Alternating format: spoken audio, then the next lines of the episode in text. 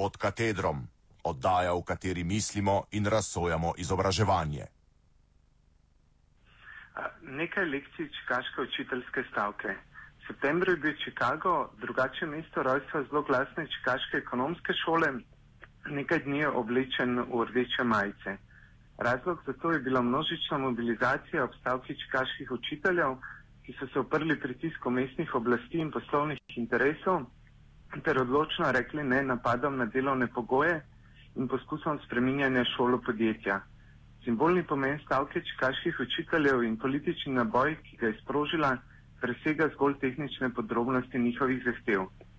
Stavka je namreč dobila množično javno, javno in medijsko podporo, ter tako pokazala, da boj učiteljev in učiteljic presega strogo sindikalistične okvire in je univerzalen družbeni boj, ter da je boj proti strukturnim reformam šolstva star vseh, tudi učencev, staršev in celotne javnosti. Nasprotju s tehnikami socialnega dialoga, ki družbene boje politično neutralizira in zapira v oske tehnične okvire, je uspelo stavki čikaških učiteljev odpreti temeljno vprašanje o vlogi in prihodnosti šolstva v sodobni družbi. Apologeti strukturnih reform so takoj po začetku stavke iz neoliberalne ropotarnice potegnili vso klasično ideološko šaro. Blebetanje o interesnih skupinah, ki ščitijo svoje neopravičene privilegije. O tem, da so zaradi stavke prikrajšani otroci. O konzervativnosti in inertnosti tistih, ki ne sprejemajo objektivne nujnosti reform ter o strahu pred zasebno konkurenco. A dejansko je stavka pokazala, da ne gre za spopad tistih, ki se bojijo sprememb proti plemenitim izboljševalcem sveta, temveč da gre za spopad dveh osnovnih pogledov. Na eni strani je vzvišen pogled tržne racionalnosti, ki izhaja iz modrosti akademske ekonomike. Ta razodeva objektivne zakone sveta, ki naj bi spodrejene instance, kot so posamezne ministrstva za šolstvo in vodstva posameznih šol, le učinkovito prevajala v prakso. Ta pogled ne dopušča ogovorov in demokracije.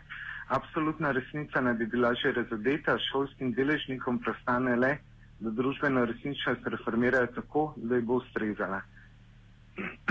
Na drugi strani je pogled, ki se tej antidemokratični tržni racionalnosti upira. Ne zato, ker bi bil staromoden ali nostalgičen ali ker bi se bal sprememb. Takšni očitki počivajo na predpostavki, da so edine pravilne in zaželene spremembe šolstva tiste, ki gredo v smeri večje konkurenčnosti ali odličnosti in obenem ne upoštevajo očitnega dejstva, da je šolstvo ena izmed najbolj dinamičnih družbenih institucij, ki za svoje spreminjanje in napredovanje ne potrebuje heteronomnih pritiskov apostolov tržne racionalnosti. Stavka čekaških učiteljev je bila začetek enega izmed mnogih aktualnih družbenih bojev znotraj šolstva, ki se morajo, da bi lahko ohranili, ohranili svojo kritično in refleksivno razsežnost ter zaščitili svojo dinamiko, nujno zaščititi pred poslovnim upravljanjem, administrativnim pritiskom kulture kakovosti in usiljevanjem odličnosti. Ravno, tržne, ravno tehnike tržne racionalnosti so tiste, ki dušijo dinamiko šolstva in zavirajo njegov kritični potencial. Zato je boj za javno šolstvo ki javno ne le v oskem pomenu javnega financiranja, temveč v političnem pomenu šolstva kot respublika, kot, kot javne stvari, kot stvari vseh, osnovni pogoj za to, da šolstvo sploh napreduje. Tako boj čikaških učiteljev ne gre na škodo učencev, saj si težko predstavljati bolj pomembno izobrazbo od male šole dejanske demokracije, ko so v solidarnosti z učitelji na ulico prišle celotne sosedske in z učitelji sodelovala v razpravah o stanju in prihodnosti šolstva.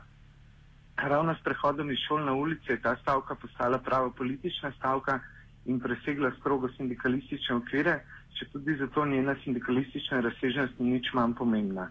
Vprašanje, ali so šole konkurenčne ali odlične, ni vprašanje, ki bi izhajalo iz dejanskih potreb in interesov učiteljev in učencev.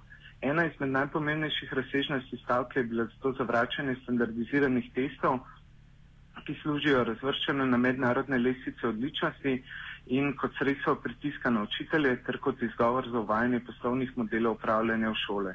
V času prevlade tehnokratskega pogleda na šolstvo, ki izobraževalni proces spreminja v pripravo na doseganje čim boljših rezultatov na standardiziranih testih, nas je stavka čekaških učiteljev spomnila, da je osnovno poslanstvo šole učenje.